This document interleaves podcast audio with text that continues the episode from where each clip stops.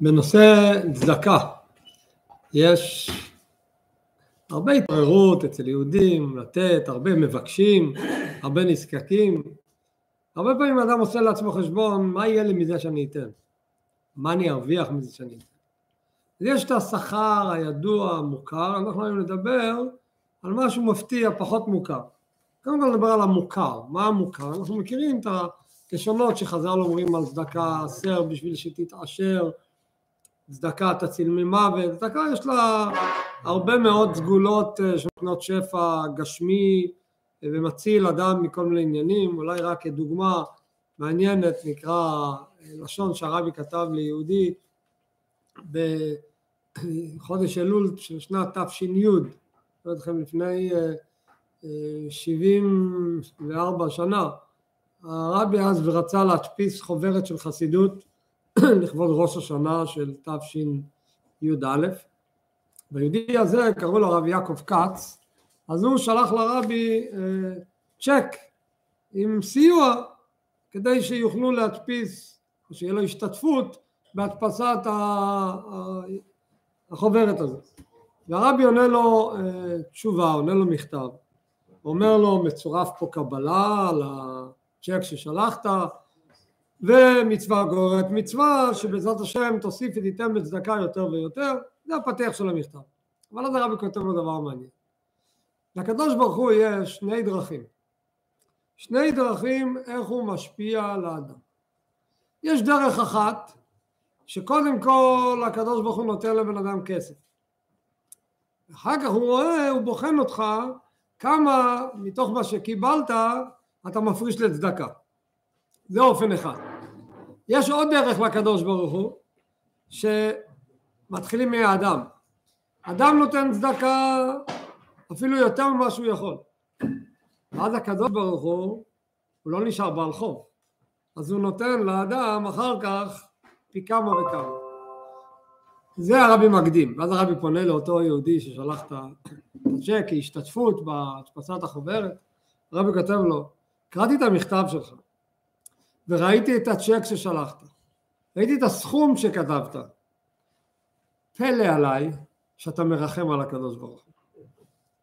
מה אכפת לך, הרבי כותב לו, אם הצ'ק שהיית כותב היה בצורה כזו שהקדוש ברוך הוא ייתן לך פרנסה הרבה יותר ממה שאתה מעריך את עצמך.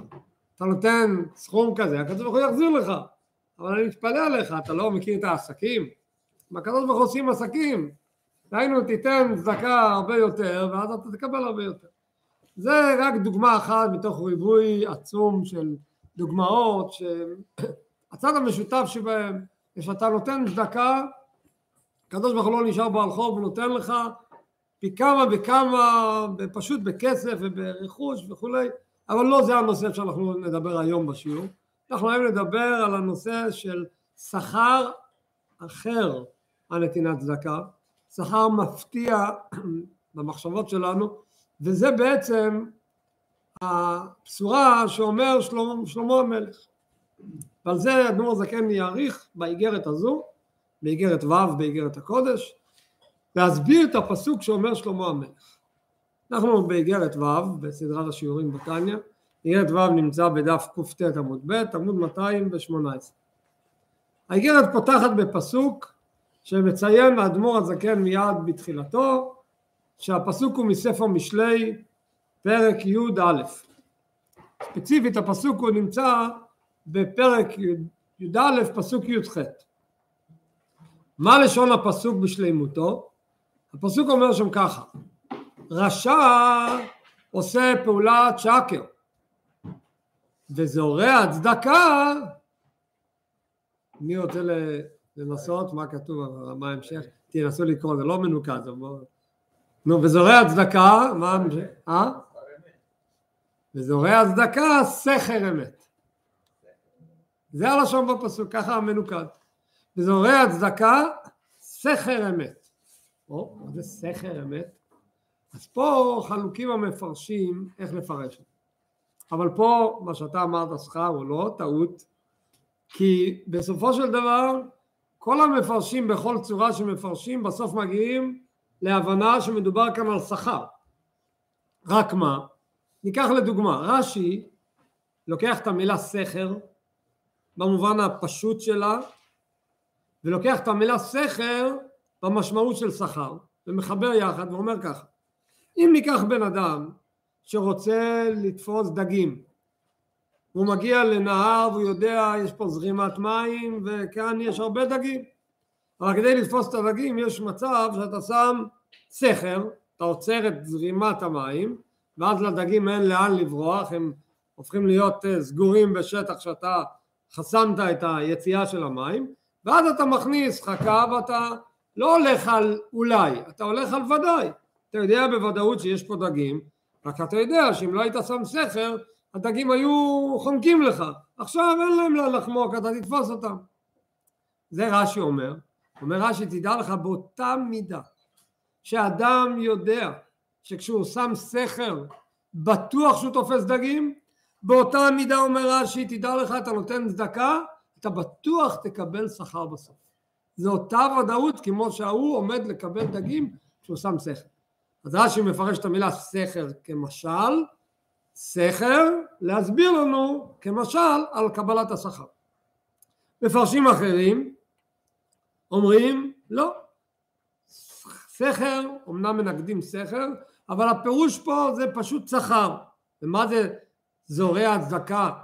שכר אמת, סכר מלשון שכר, שכר אמת, תדע לך, אתה תקבל שכר אמיתי. תקבל משהו רציני. כדאי לך, אתה תקבל משהו אמיתי.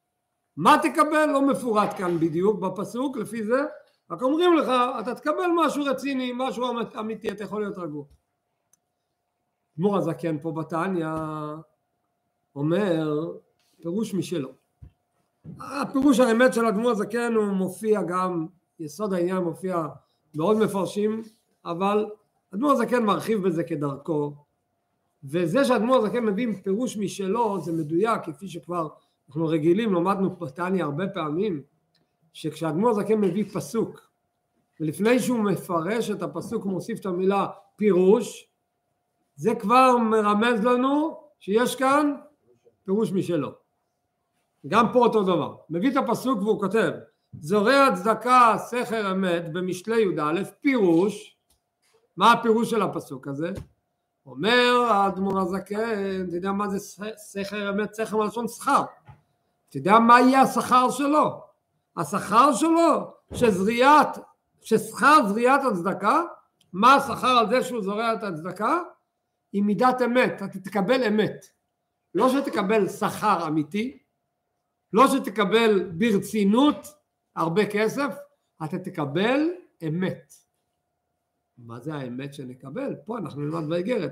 מה זה אמת ומה הקשר בין זריעת הצדקה לקבלת אמת. בדרך כלל המושג אמת אצלנו נתפס כמילה צמודה למילה אחרת. איש אמת, תורת אמת, כן? מעשה אמת. אבל אמת כדבר אבסולוטי לא, לא משהו שהוא אמת, אמת. אנחנו היום נקבל ראייה חדשה. אנחנו הולכים לקבל אמת. מה זה האמת הזו? לפני שהוא מסביר מה זה האמת, אז הוא מביא עוד פסוק, שגם בפסוק הזה אנחנו רואים שהקדוש ברוך הוא נותן מתנה אמת. למי? אומר הפסוק השני, הוא כתיב, כתוב בספר מיכה, הנביא מיכה כתוב, תיתן אמת ליעקב. זה פסוק שהוא די מוכר, מפורסם, אנחנו מכירים את זה, נכון? מכירים את הפסוק הזה. הפסוק הזה כתוב בזוהר, אם היינו קוראים את הפסוק בלי פירוש, היינו רואים את המילים תיתן אמת ליעקב, מיד איזה קונוטציה היה לנו בהבנת הפסוק? היינו מבינים שפה יש בקשה, ריבונו של עולם, אנחנו מבקשים ממך, תיתן אמת ליעקב. בא הזוהר הקדוש ואומר לו, הפסוק הזה זה לא פסוק של בקשה. הפסוק הזה זה פסוק שבא לשבח את הקדוש ברוך. לשבח את הקדוש ברוך הוא ולומר, אתה יודע מה אני משבח את הקדוש ברוך הוא? שהוא נותן אמת ליעקב, זה אני משבח אותו. זה מה שהוא ממשיך עד מאוד זקן. הוא כתיב תיתן אמת ליעקב, ושיבך דקוצ'ה בריחו מסדר נביא. הנביא מיכה שאומר את הפסוק הזה הוא משבח את הקדוש ברוך הוא כמו שכתוב בזוהר הקדוש פירוש אז מה השבח מה משבחים את הקדוש ברוך הוא שהקדוש ברוך הוא הוא הנותן מידת אמת ליעקב. משבחים את הקדוש ברוך הוא שהוא נותן ליעקב אמת. אוקיי לא הבנו עדיין מה זה אמת אבל ראינו בעוד הקשר שהקדוש ברוך הוא נותן אמת. מה זה האמת הזאת אז אדמו"ר זקן באיגרת ירחיב יותר מה זה תיתן אמת ליעקב ובסיומו הוא יחזור לזורע צדקה שכל אמת. ולפני שהוא בא להסביר מה זה תיתן אמת ליעקב הוא שואל שאלה וצריך להבין וכי אין אמת ביעקב חס ושלום עד שהקדוש ברוך הוא ייתן לו מלמעלה? מה פירוש שהקדוש ברוך הוא נותן אמת ליעקב? קודם כל בפשט אם נותנים למישהו אמת אז מה זה אומר? שעד שנתתי לו את האמת אין לו אמת. מה, יעקב אבינו אין לו אמת? מה הפשט? דבר שני לא מובן. ידוע שיעקב אבינו מה הייתה מידתו? תפארת. תפארת נקרא גם אמת. רחמים, נדבר על זה בעזרת השם היום, באריכות. אמת זה אחד השמות של תפארת. אז יעקב הוא אמת, יש לו אמת, הוא מידת הרחמים, הוא מידת התפארת, אז מה זה תיתן אמת ליעקב? זה כל עניינו. מה השבח כאן? כנראה שהפסוק בא פה להדגיש נקודה חדשנית. מה זה האמת החדשנית הזאת? אז הוא מתחיל ככה, מתחיל להסביר מה זה יעקב. בואו נראה מה זה יעקב. אחרי שנבין היטב מה זה יעקב, נבין מה זה תיתן אמת ליעקב. עכשיו אנחנו לא הולכים ללמוד כאן מה זה יעקב אבינו שעליו מסופר בפרשת השבוע וישב יעקב או פרשה קודמת וישלח יעקב או ויצא יעקב אנחנו מדברים על יעקב שבנו מעשה אבות סימן לבנים יש לי יעקב בכל אחד ואחד יש את יעקב המידה של יעקב אמורה ללוות כל אחד מאיתנו בעבודת השם שלו. בואו נראה מי זה היעקב שבנו. אנחנו עם ישראל, אחד השמות של יעקב, אנחנו בני יעקב. מה זה יעקב? אך הנה מודעת זאת, הדבר הזה ידוע. דמידת יעקב היא מידת רחמנות. ידוע שיעקב אבינו, המידה שלו היא רחמנות, זה המידה שלו. אנחנו רואים את זה, יש על זה בתניא, בחלק הראשון של התניא, יש פרק שלם, פרק מ"מ, פרק קצר, שדמור הזקן מדבר גם על הנקודה הזו שיעקב הוא מידת רחמנות, הוא מביא בהקשר לזה פסוק שנאמר בפרשת ויצא על יעקב אבינו כשהוא ראה את רחל וישא יעקב את קולו ויב עכשיו אדמו"ר הזקן מסביר שהבכי של יעקב זה עניין של רחמנות על עם ישראל שהיא נקראת רחל. העניין הזה שיעקב עניינו רחמנות מופיע בחסידות בהרבה מקומות ומה זה מידת הרחמנות? מידת הרחמנות קשורה לתפארת. נסביר בשתי מילים מה זה תפארת. אברהם, יצחק, יעקב. אברהם מה מידתו? חסד. יצחק גבורה. ויעקב תפארת. חסד זה אהבה, גבורה זה יראה, תפארת זה רחמים. מה זה, מה ההבדל בין שלושתם כלפי הזולת? אנחנו בעיקר נדבר היום מה זה כלפי עצמנו. אבל מה זה כלפי הזולת? מה זה חסד כלפי הזולת? מה זה גבורה כלפי הזולת? ומה זה רחמים כלפי הזולת? כי על פניו מישהו איש חסד, מה הוא עושה לזולת? נותן לו, בלי חשבון. ומי שמרחם על הזולת, מה הוא עושה? גם נותן לו. אז מה נפקא מינה בין החסד לרחמים בשורה התחתונה זה אותו דבר, שניהם נותנים. אז מה ההבדל? למה זה נקרא חסד? זה נקרא רחמים? יש הבדל גדול. חסד זה תנועת נפש שהיא כל כולה נתינה בלי חשבון. דהיינו, האיש חסד שמגלה אצלו את מידת החסד, לא מעניין אותו. הוא לא לוקח בחשבון מה מצבו של האדם הזה שאני הולך לתת לו, מגיע לו, אולי לא מגיע לו, מה עניינו, אולי אה, נשמע עליו כל מיני סיפורים שאני סתם, לא מעניין אותו חשבונות. חסד אומר אני נותן, אני שופך, לא מעניין אותי שום דבר. חסד נטו זה נתינה בלי חשבון. גבורה זה תנועה בדיוק הפוכה. מה גבורה אומרת? תמדוד, תחשב, תעקוב, תשאר, מגיע, לא מגיע, אם מגיע, כמה מגיע? על כל שקל אתה תעשה חשבון, אולי בסוף תיתן לו, כי החלטת שמגיע לו עשר שקל, זה מה שתיתן לו. מה שהצליח לעבור דרך, ה, דרך המסננת של הגבורה, זה מה שתיתן לו. כי הגבורה אומרת, מה פתאום שאני אתן? תראה מי זה. מידת הרחמים זה שילוב של חסד וגבורה. מידת הרחמים נקרא תפארת, מה זה בגדי תפארת? תפארת זה מלשון יופי, פאר. מה זה יופי? איזה צבע זה יופי? איזה צבע זה יפה? שילוב של צבעים, שילוב של צבעים בהרמוניה מקצועית, זה נקרא תפארת. אם הכל רק שחור, או הכל רק לבן, אבל אם אתה יודע, תמונה שחור לבן יכולה להיות תמונה מדהימה, הרבה יותר מצבעונית אולי, כשזה נראה ממש שילוב מעניין. תפארת משלב את השחור והלבן, משלב את הצבעים, משלב את הכל. תפארת לוקח בחשבון גם חסד וגם גבורה. מה התפארת אומרת? מה הרחמים אומרים? מצד אחד אני לוקח בחשבון את החסד, אני נותן בלי חשבון. אבל בא מישהו ואומר, מה אתה נותן לו? לא מגיע לו. אז שהמישהו הזה יבוא לחסד, כשהאיש גבורה יבוא לחסד, יגיד לו לא מגיע לו, מה יעשה איתו האיש חסד? יזרוק אותו מכל המדרגות, לא מעניין אותי מה שאתה אומר. לא מעניין אותי, לא רוצה לשמוע. אבל איש תפארת, בא אותו אחד עם הגבורה, והוא יגיד, מצוין, אתה צודק, אתה יודע מה, אני מסכים עם החסד שצריך לתת, אני מסכים גם איתך שלא מגיע לו. נו, ועכשיו מה אני הולך לעשות אחרי שאני יודע שלא מגיע לו? אני מרחם עליו אבל. מרחם עליו זה אומר, אני יודע שלא מגיע לו, אבל אני מרחם עליו. אז בסוף אני אתן לו, ואז זו נתינה הרבה יותר חזקה. היא נתינה שהיא לא תתבלבל, מ... אם פתאום יהיה לי איזה התעשתות מהטענות של הגבורה, אני לא אפסיק לתת בגלל זה, כי אני לוקח בחשבון את הגבורה, אבל אני נותן בכל זאת. יעקב זה מידת התפארת. תפארת זה רחמים. רחמים לוקח בחשבון את המעלות ואת המגרעות ביחד, ואין לו בעיה עם זה. הוא נותן מצד הרחמים שלו. עכשיו יש רחמנות, על, עד כאן דיברנו רחמים או חסד על הזולת. אנחנו היום נדבר רחמים על עצמנו.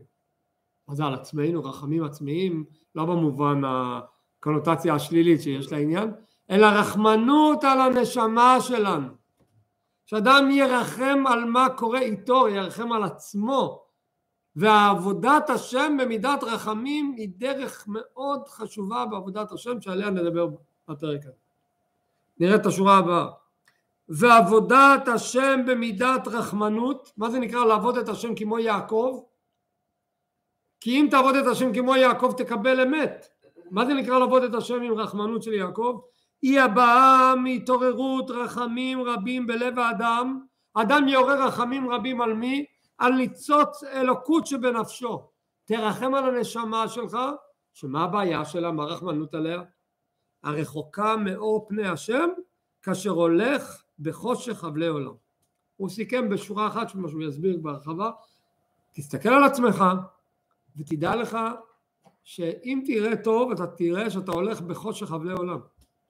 ונראה בהמשך הפרק, לא מדובר על אדם שהוא דווקא חוטא ועושה שטויות ובאמת מה שמצטייר לנו הולך בחושך חבלי עולם כי לא יודע באיזה שאול תחתית הוא מונח. גם אדם שהוא נוהג בצורה הכי טובה והוא באמת לא, הכל מאה אחוז, קיים תורה ומצוות, הוא הולך בחושך חבלי עולם. היכולת שלו, עוד רגע אנחנו נבין, אנחנו קודם כל לא... הוא הולך בחושך חבלי עולם, הוא מסוגל ליפול. הוא נלחם, הוא מצליח, אבל הוא מסוגל ליפול. אתה נמצא ליד הזבל. וכדי להבין את הרחמנות על הנשמה שהיא נמצאת במצב כזה, אז יש כאן תהליך. אתה לא תבין, יבואו לך על מישהו ויגידו לו, תשמע, האדם הזה, מסכן הוא, אתה יודע איך הוא נפל, איך הוא נמצא באיזה מצב כלכלי ירוד, איזה מסכן הוא הבן אדם הזה.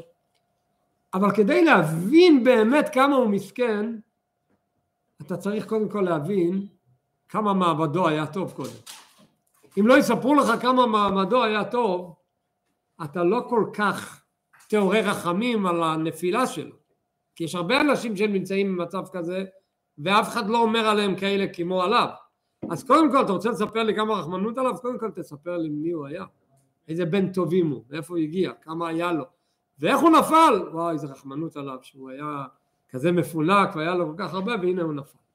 כי מי שלא מכיר את האור, את העבר, את ההיסטוריה, את הטוב, הוא לא יעריך את הבעיה בנפילה. וככה זה בכל דבר. אם אתה רואה אדם שהוא לא עלינו לא שפוי, אתה מרחם עליו, אבל הוא עצמו מרחם על עצמו, לאו דווקא. הוא לא מודע בכלל, הוא לא מודע לבעיה. אתה יודע שיש שפוי ויש לא שפוי, אז אתה יודע להעריך את המצב ואתה מרחם עליו.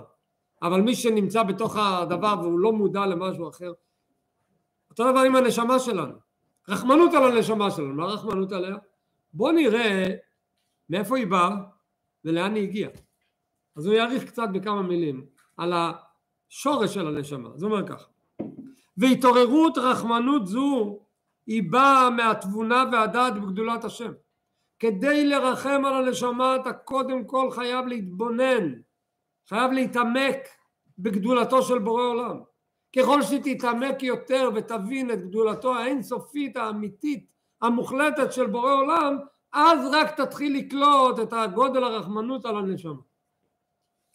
מהי גדולתו של בורא עולם?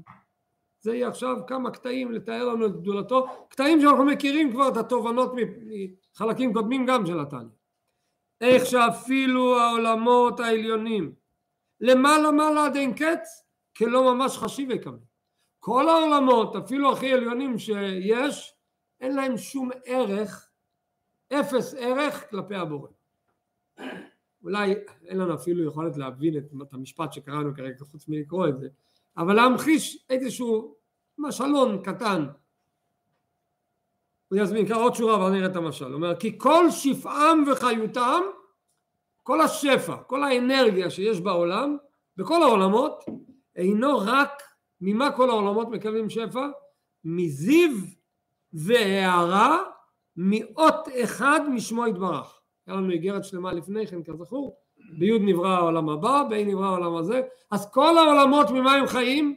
מזיו, מאור של אות אחת משמו יתברך, כמאמר בי' נברא העולם הבא.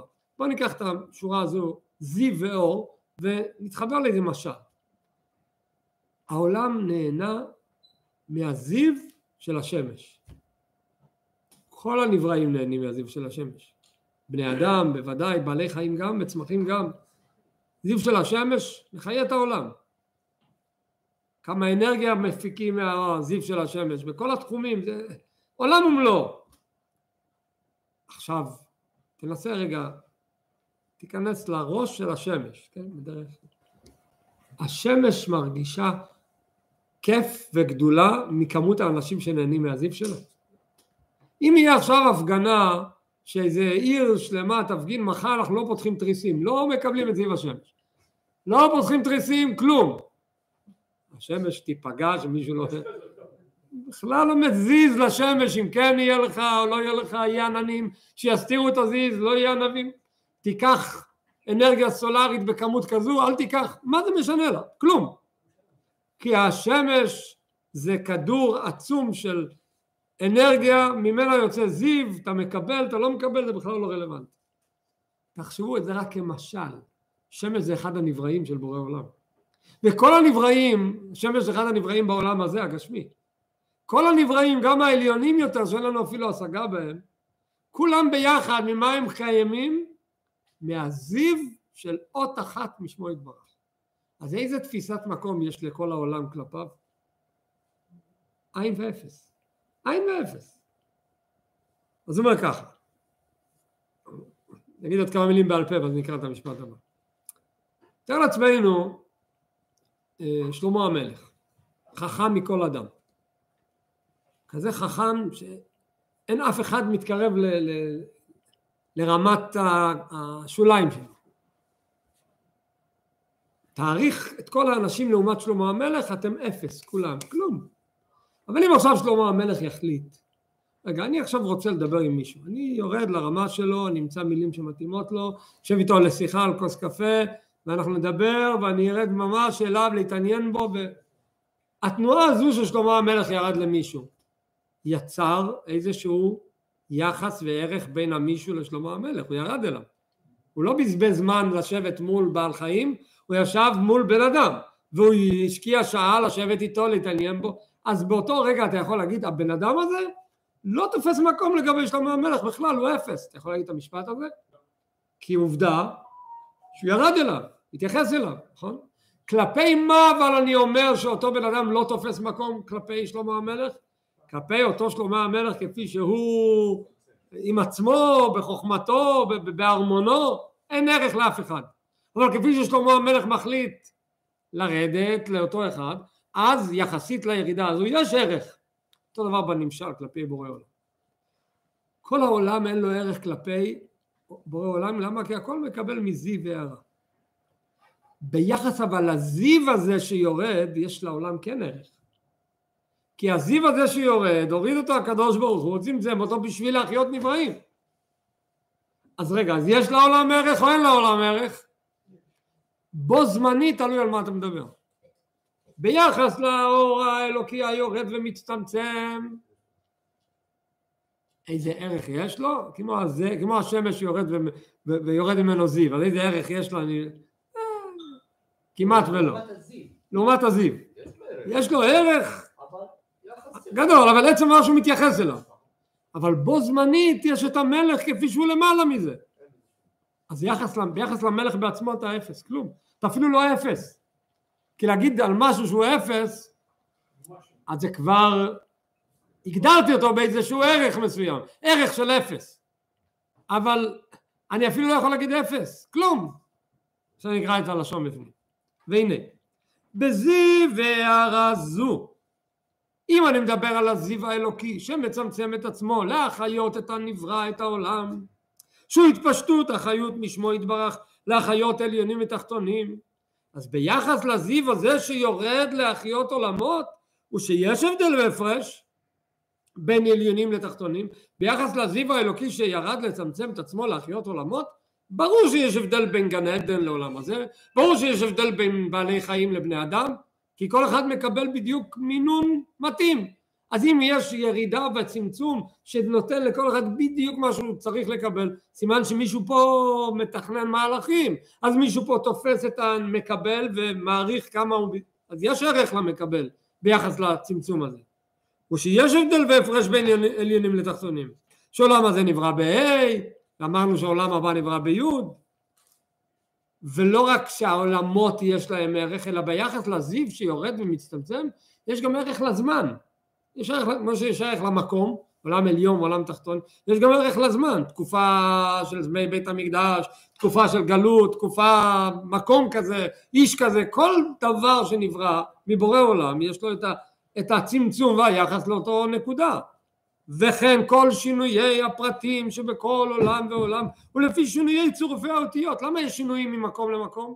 למה שינויים מאדם לאדם?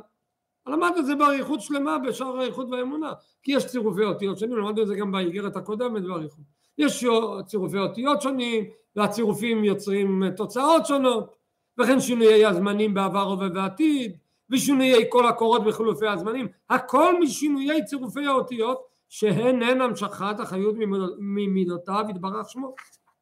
אז ביחס לזיו יש ערך. למי יש ערך ביחס לזיו? להכל. ערך לעולמות, ערך לזמנים, ערך לנבראים. עצם הדבר שיש חלוקה, יש ערך לנברא. אבל לגבי מהותו ועצמותו יתברך, אבל לגבי, כמו שאמרנו קודם במשל, לגבי שלמה המלך כפי שהוא בחדרו עם עצמו, שלמה המלך זה רק משל, לגבי מהותו ועצמותו יתברך, יש איזה ערך לאיזשהו נברא? כתיב אני השם לא שניתי, מה זה אני השם לא שניתי? לא השתניתי. אין הבדל אצל הבורא בין לפני שנברא העולם לאחרי שנברא העולם. קשה לנו לתפוס את זה. בן אדם שיש לו מכונית, קנה מכונית חדשה. אתה יכול להגיד, הוא אותו בן אדם כמו לפני שהיה לו מכונית, ואחרי שיש לו מכונית. זה יהיה נכון להגיד את זה? לא. ברור שלא. לפני שיש לו בית, אחרי שיש לו בית, לפני שהוא התחתן, אחרי שהוא התחתן, לפני שיש לו ילדים, אחרי ש... כל דבר שקורה לנו בחיים, קטן כגדול, גורם לנו שינוי. דבר קטן, שינוי קטן, דבר גדול, שינוי גדול. בורא עולם אומר על עצמו אני השם לא שניתי, לא השתניתי לפני הבריאה ואחרי הבריאה שום שינוי. למה שום שינוי? כי לא קרה כלום. לא קרה כלום, אין כאן שום מציאות שאתה יכול להגיד שום מציאות, אפס. בין בבחינת השתלשלות, שינוי ההשתלשלות מרום המעלות עד למטה מטה, גם אם תיקח עולם עליון ועולם תחתון, מה זה משנה עליון ותחתון? אין שום יחס וערך לכלום, לא רלוונטי. כמו שדיברנו קודם לגבי זיו השמש, מעניין את השמש אם החתול הוציא את הראש וקיבלה קצת שמש על הראש, או הבן אדם, או ההר הגדול, או ה... מה זה משנה, קטן כגדול, שלא משנה כלום. שכמו...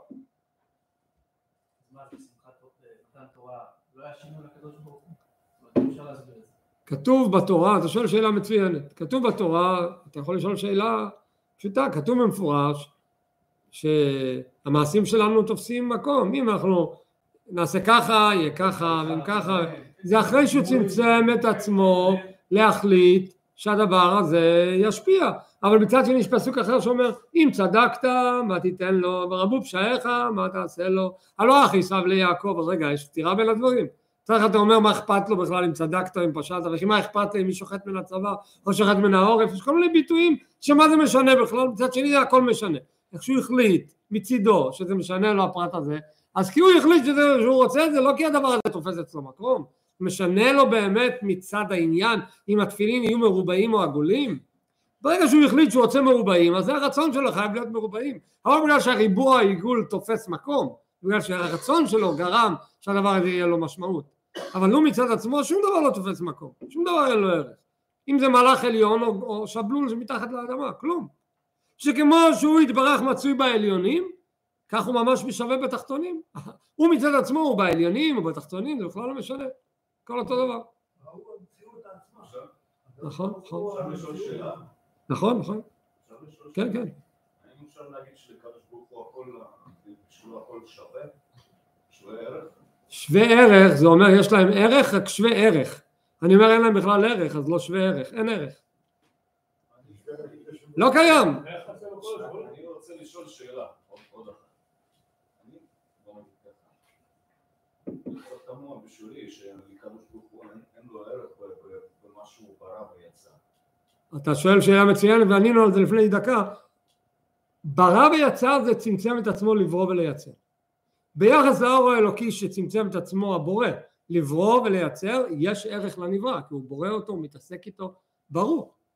אבל בו זמנית זה לא כמו שלמה המלך שאמרנו קודם במשל בזמן שהוא עם עצמו הוא אחד עכשיו שהוא ירד הוא אחר בו זמנית הוא גם פה וגם שם. בו זמנית מצד האור המצמצם יש ערך לנברא ברור. אבל הוא מצד עצמו גם אחרי שהנברא נברא וגם אחרי שהוא צמצם את האור וגם אחרי שהוא נתן לו יחס ביחס למהותו ועצמותו אין שום יחס. הוא יעריך את זה בעוד עוד כמה שורות. הוא אומר ככה שכמו שהיה הוא לבדו הוא. יחיד ומיוחד לפני ששת ימי בראשית לפני בכלל שנברא העולם אז ברור לנו שהיה הוא לבדו הוא כי לא היה שום דבר עכשיו שנברא העולם זה לא שיש או יש הקדוש ברוך הוא ועולם כך הוא אתה אחר הבריאה. אנחנו אומרים את זה כל יום בתפילה בבוקר. אתה הוא עד שלא נברא העולם. אתה הוא מי שנברא העולם. אתה אתה הוא אותו דבר. למה זה? למה המסקנה הזו? והיינו משום שהכל כעין ואפס ממש לגבי מהותו ועצמותו. משל. מביא כאן משל שהוא הביא את המשל הזה כבר בחלק הראשון של התניא. מה המשל? נגיד בעל פה את המשל אדם מדבר מה מילה שאדם מדבר יכולה לפעול? המון. תלוי מי הבן אדם המדבר, תלוי למי הוא מדבר, הוא מדבר לקיר, שהוא מדבר למישהו, אם הוא מלך שהדיבור שלו גורם אה, להוציא מלחמה, או שהוא אה, פוגע במישהו שנפגע מאוד, או שהוא נותן מחמאה למישהו. למילה יש הרבה מאוד יכולות לפעול דברים, אוקיי? המילה הבודדת שהוצאת מהפה שלקחה בדיוק שנייה, שתי שניות, או שדיברת שעה, זה לא משנה. נעשה חשבון פשוט, כמה ערך יש למילה, לא מבחינת מה ההשפעה שהיא יכולה לעשות, ביחס לכוח הפוטנציאלי הקיים אצלך בנפש, כמה מילים אתה יכול להוציא? אין סוף. אתה פשוט לא חי אין סוף, אז אתה לא מוציא אין סוף, אבל היכולת לדבר היא בלתי מוגבלת. אז מה הערך של מילה אחת לעומת הבלי גבול יכולת לדבר. יש ערך למילה הזו? כלום. זה שהמילה פעלה וההוא נפגע או שההוא נשמח או שעולם ומלואו משתנה ודאי בגלל זה הוא כבר תופס יותר מקום ביחס לכוח המדבר זה בדיוק המשל הבורא יש לו כוח אלוקי המדבר אותיות שבורים עולם האות ירדה ובוראת וכולי אבל ביחס לכוח האינסופי אפס תראה את הלשון של המשל בלשון אדמו"ר הזקן כמו אות אחד מדיבורו של אדם. תיקח אות אחת מדיבור של בן אדם, או אפילו ממחשבתו, אדם חשב, גם חושבים באותיות. בחלק הראשון של התניא בפרק כ', הוא מעריך במשל הזה להסביר אותיות הדיבור, אותיות המחשבה, לא ניכנס כרגע להבדל ביניהם, אבל בגדול גם חשיבה. אותיות של חשיבה הן הרבה יותר עדינות ומופשטות מאותיות הדיבור, אבל הרעיון הוא שאותיות החשיבה הן גם כן בלי גבול. אז האפס של מילה ביחס למקור הדיבור, או האפס של האות חשיבה ביחס לכוח החשיבה. לגבי כללות מהות הנפש השכלית ועצמותה עוד יותר גבוה. יש לבן אדם את, את השכל שהוא בכלל למעלה ממושג אותיות. מעריך בזה בחלק הראשון בתניא. אותיות זה כבר דרגה נמוכה, זה כמו, נמחיש את מה שאני אומר בצורה פשוטה, כשאתה רוצה לעשות תרגיל, אפשר לשאול אותך, באיזה שפה יותר קל לך לחשב תרגילים? באנגלית או בעברית ביידיש? שאלה שאלתית, אחד קל לו יותר לחשב בשפה כזו. אחרי שחישבת והבנת, באיזה שפה ההבנה שלך? אתה מבין באנגלית אתה לא, לא איך הובלת את החשיבה שלך להגיע למסקנה. הבנתי, יש הבדל בין המבין באנגלית או המבין בעברית או המבין בצרפתית אותו דבר, למה? כי ההבנה זה לא אותיות, אותיות זה רק הגשר שהוביל לך את ההבנה, ההבנה זה למעלה מאותיות בכלל, אז מה הערך של אות? לא לעומת מקור הדיבור, לעומת השכל שהוא בכלל למעלה מאותיות, אז בוודאי ובוודאי, זאת אומרת האפסיות של מילה היא אפסיות כפול שלוש, אפסיות של מילה ביחס לכוח המדבר זה אפסיות בכמות אפסיות של מילה לגבי כוח החשיבה זה אפסיות איכותית, כי זה אותיות מסוג אחר. אפסיות הדיבור לגבי כוח הנפש היא אפסיות כזו שאני אפילו לא יכול להגדיר מה האפסיות שלה, כי שם זה בכלל לא קיים. אפס אפסים. אז העולם ביחס לעצמותו של הבורא, תחשבו, כלום. אבל כמו אות אחת מדיבורו של אדם, או אפילו ממחשבתו. לגבי כללות מהות הנפש השכלית ועצמותה. והמשל הזה זה על דרך משל לשכך את האוזן. זה סך הכל המשל שנותן לנו קצת באוזניים ככה לגרד לנו את האוזניים עם איזשהו משל. המשל הוא לא לגמרי מדויק, כי סוף סוף כוח הדיבור ודיבור יש להם ערך. עובדה, זה כוח לדבר. אז אמנם זה כוח לדבר בלי גבול מילים, ודיברתי מילה אחת, אז האפסיות היא כמותית, לא אפסיות מהותית. אבל ביחס לבורא זה אפסיות מהותית. באמת אין ארוך אין לך כתיב, אין שום יכולת בכלל לתת שום ערך ביחס אליו. אז אין לנו יכולת באמת למצוא משל ממש שימחיש לנו את האפסיות, כי כל דבר שאנחנו מכירים בעולם שלנו, העולם שלנו הוא עולם שאנחנו מכירים אותו יחסית ל... ואנחנו מדברים על הבורא שהאמת שלו והאינסוף שלו היא, היא מוחלטת לא יחסית ל... כמו שכתוב במקום אחר. וזהו שאומרים, על פי זה נביא עם ביטוי בתפילה. המלך המרומם לבדו מאז. תחשבו על המילים, אומרים את זה כל יום. המלך, המילה המלך, מה היא מתארת? איזה בחינה בבורא? שאני קורא לו מלך, מלכות, דיבור, זה במילים אחרות הכוח האלוקי שמהווה ומצמצם לאבות עולמות. אבל ביחד עם זה שהוא המלך, מה אומרים במילה הבאה? המרומם. הוא מלך אבל הוא מרומם. אל תחשוב שבגלל שהוא מלך הוא ירד ל... אין מלך בלא עם, בגלל שהוא ירד לצמצם את עצמו לעם אז הוא הפך להיות חלק מהמשחק, הוא המרומם. לבדו, הוא לבדו, זאת אומרת אין שום ערך אליו. מאז, מה זה מאז? עוד לפני בריאת העולם.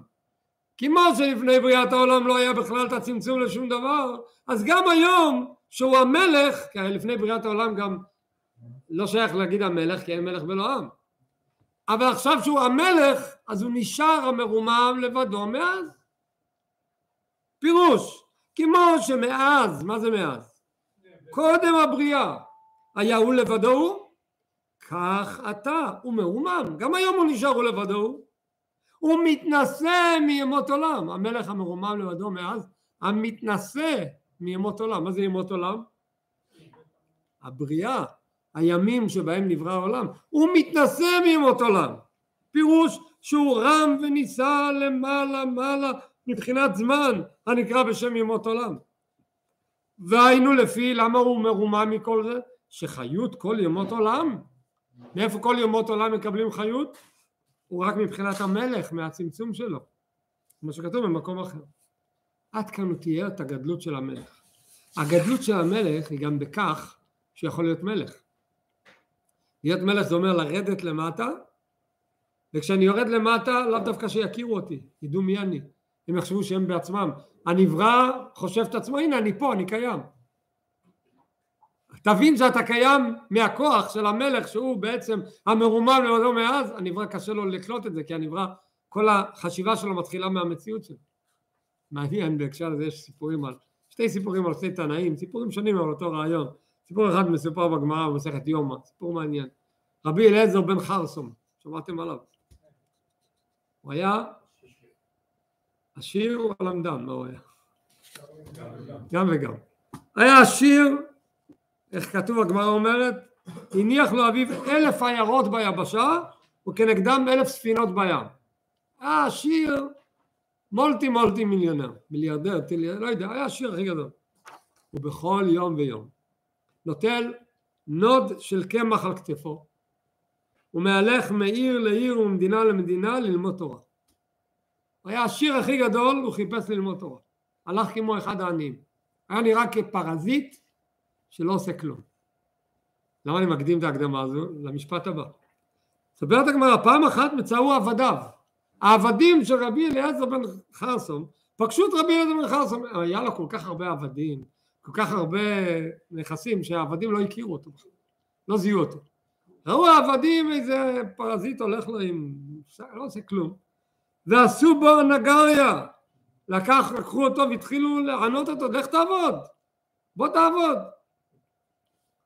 אמ, אמר להם בבקשה מכם, הניחוני ולך ללמוד תורה, אל תעזבו, לא רוצה לעבוד, רוצה ללמוד.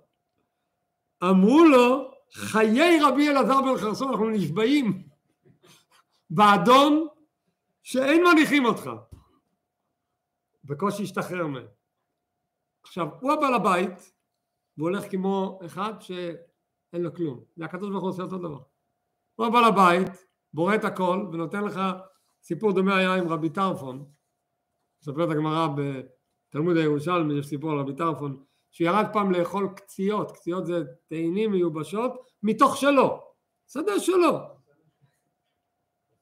פגשו אותו הפועלים, שלא זיהו בכלל שזה הבעל הבית שלהם, ושורון חבטון אלוהי, לקחו וחבטו בו מכות על זה שהוא נוגע בקציעות הללו.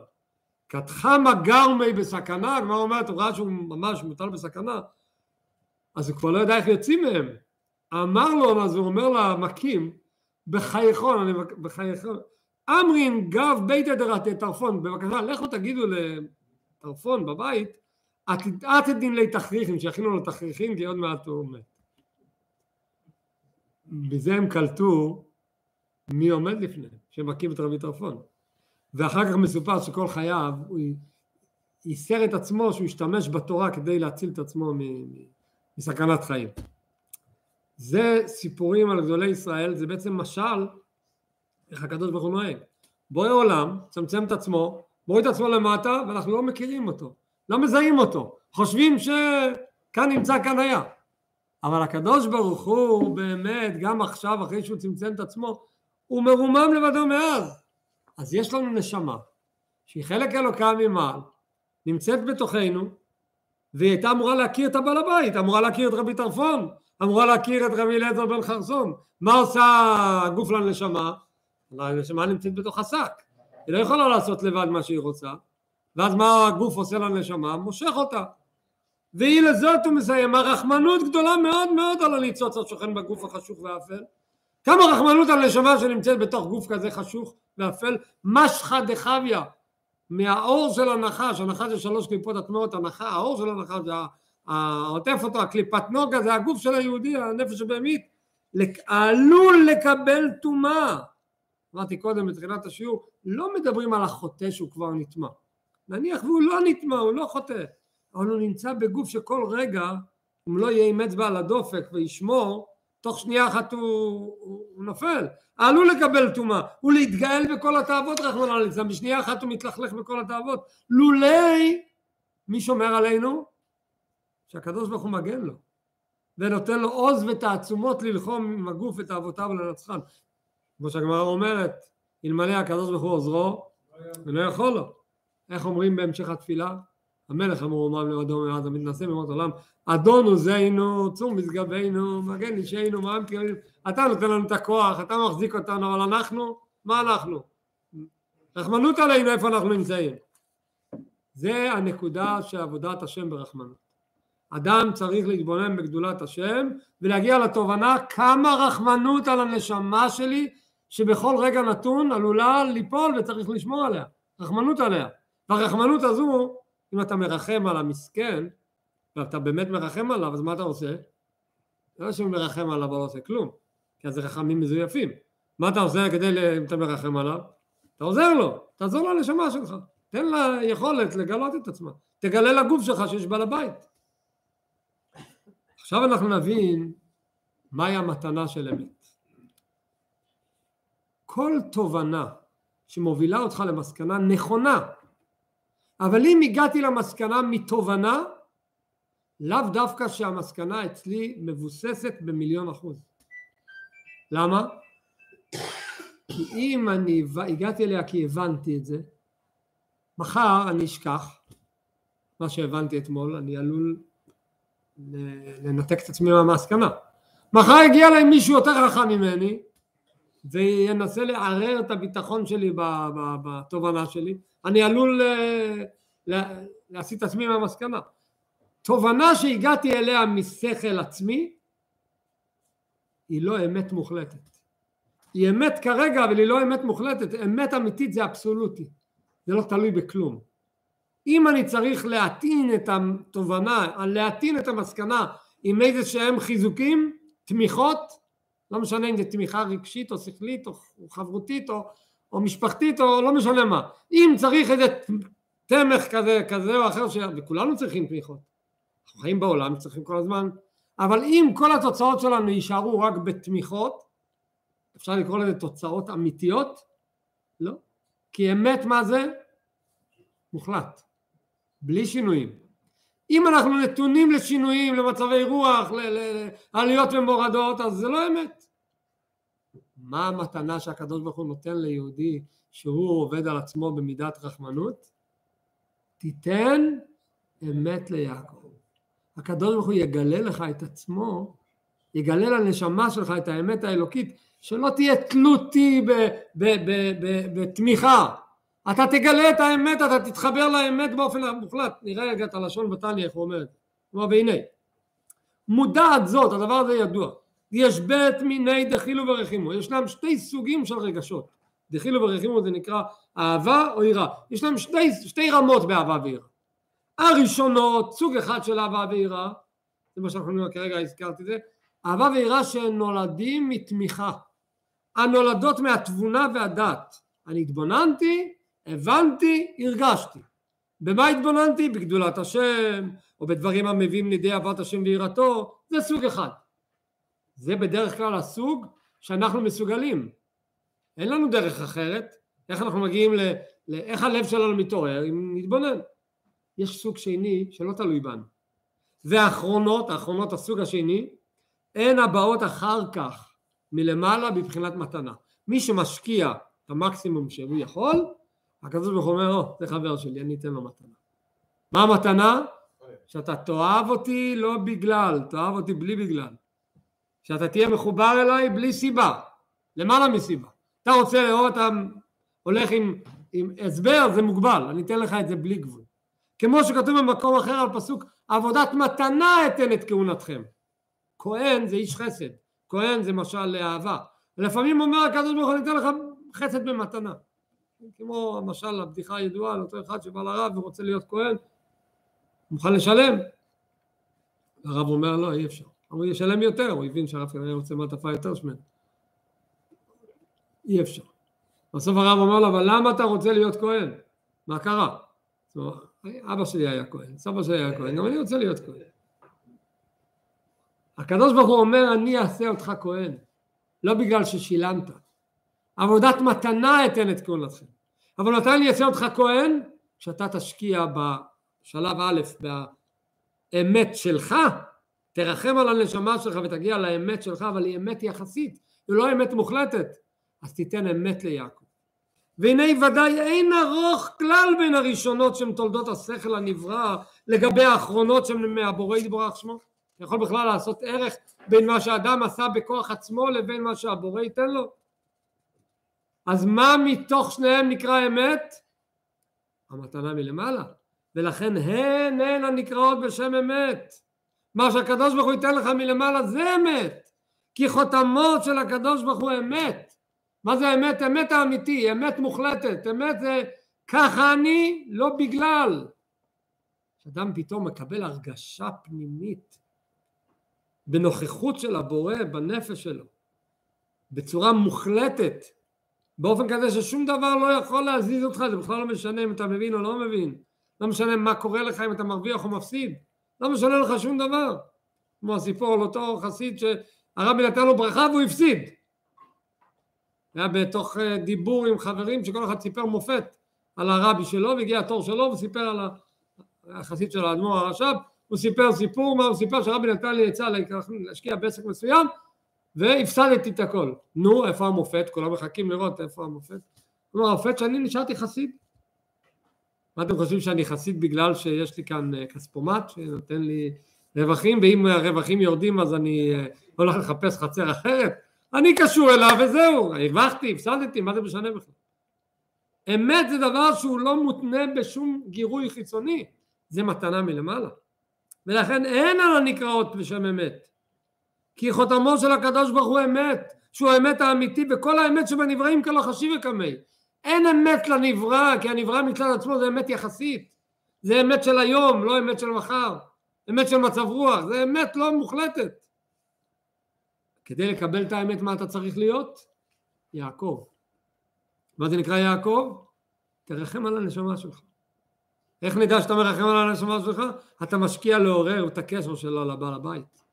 אחרי זה הדרך שיזכה האדם לאמת השם, מה אתה צריך לעשות כדי לקבל את המתנה הזו? הנה יהיו על ידי שיעורר רחמים רבים לפני השם על הניצות שבנפשו, שהיא מידתו של יעקב.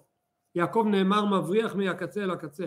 יעקב, כתוב עליו שכשבנו את המשכן, המשכן היו קרשים קרשים, ומה החזיק את הקרשים? יש מה שהחזיק אותם מלמטה, היו אדנים, מה שהחזיק אותם מלמעלה, היו טבעות, אותם היה אה, בריח, היו שלושה בריחים, שתיים היו חיצוניים, כל קרש היה לו לולאה חיצונית, עמדו הקרשים אחד ליד השני, ואז בתוך הלולאה נכנס מוט, זה בריח שהחזיק עוד תפיסה שהחזיק את הקרשים, זה היה מוט עליון ומוט תחתון. היה עוד בריח שלישי, חיזוק על גבי חיזוק, בתוך האמצע, החלל של ה... דופן נכנס בפנים בריח ופה היה נס גדול. הבריח, הרי המשכן היה מלבני, אז יש לך קיר, אחר כך הוא מסתובב, אחר כך עוד מסתובב. אז לא שמו שלושה בריחים אמצעיים. בכל פעם שאנחנו הכניסו את הבריח, הוא הפך להיות כמו נחש חי. נכנס והתקפל, התקפל, והקיף את כל המשכן. אומרים שהבריח העליון זה אברהם, הבריח התחתון זה יצחק, הבריח האמצעי זה יעקב. הבריח האמצעי אין לו מעצורים. אברהם יש לו מעצורים. גם הבריח העליון הוא לא היה לכל האורך, היה חצי וחצי. אברהם יש לו מעצורים, יש לו בן אחד יצחק, יש לו בן אחד ישמעאל. יצחק גם יש לו מעצורים, יש לו אחד יעקב, יש לו אחד יצחק. יעקב יש לו 12, כולם צדיקים. יעקב מידת האמת ליעקב, הוא אמת זה מההתחלה ועד הסוף, מא' עד מ' ועד ת'. זה הבריח האמצעי. וזה מה שהוא אומר, שכדי להגיע ליעקב זה מבריח מהקצה אל הקצה, מבריח, דהיינו הוא רץ לכל הקצוות, הוא לא משאיר לך שום פינה, לא משנה אם אתה כרגע צפוני או מזרחי או מערבי, מצב רוח, עשיר, עני, בכלל לא משנה, שום דבר, אתה קשור לאותה נקודה. דהיינו מרום המעלות עד למטה מטה, להמשיך אמת השם לעולם השפל הזה החשוך. כמו שכתוב כי יושב בחושך השם אור לי אתה יושב בחושך ואתה מקבל את האמת הוא מאיר לך. וזהו כי גבר עלינו חסדו עד כאן סיימנו להסביר מה זה תיתן אמת ליעקב. עכשיו אנחנו חוזרים לתחילת האיגרת. איך הוא פתח את האיגרת עם הפסוק? זורע צדקה שכר סר אמת. מה קשור כאן הצדקה ומה מה השכר המפתיע לצדקה? עכשיו הוא בא ואומר רחמנות זה לא מספיק, צריך עוד משהו. אך התעוררות רחמים רבים לפני השם צריך להיות גם כן באמת. וגם כשהוא באמת שלו, איך יוכל על ידי אמת שלו לעורר רחמים עליונים מאמת השם? קודם כל, זה שהקדוש ברוך הוא נותן לך, הוא מרחם עליך. אתה כלום, לא תופס מקום, אתה אפס אפסים, הוא מרחם עליך, אז הוא נותן לך. למה הוא נותן לך? כי אתה מרחם עליו. אז הוא מרחם עליך. מה פה שאתה מרחם עליו? אתה מרחם על הנשמה שלך, זה רחמנות עליו, על הניצוץ האלוקי. אתה מרחם עליו, הוא מרחם עליך. כדי שהרחמנות עליו תהיה אמיתית, שלא תעשה את זה למען, כרגע אני לא יודע, אמרתי לך עם ההתוועדות, התעוררתי, אני מרחם על הנשמה שלך. כדי שהרחמנות שלך על הנשמה שלך תהיה אמיתית, תרחם על יהודי אחר. תן צדקה ליהודי אחר. זה מה שנקרא השילוב של אמת ליעקב עם עם, עם אה, זריעת הצדקה.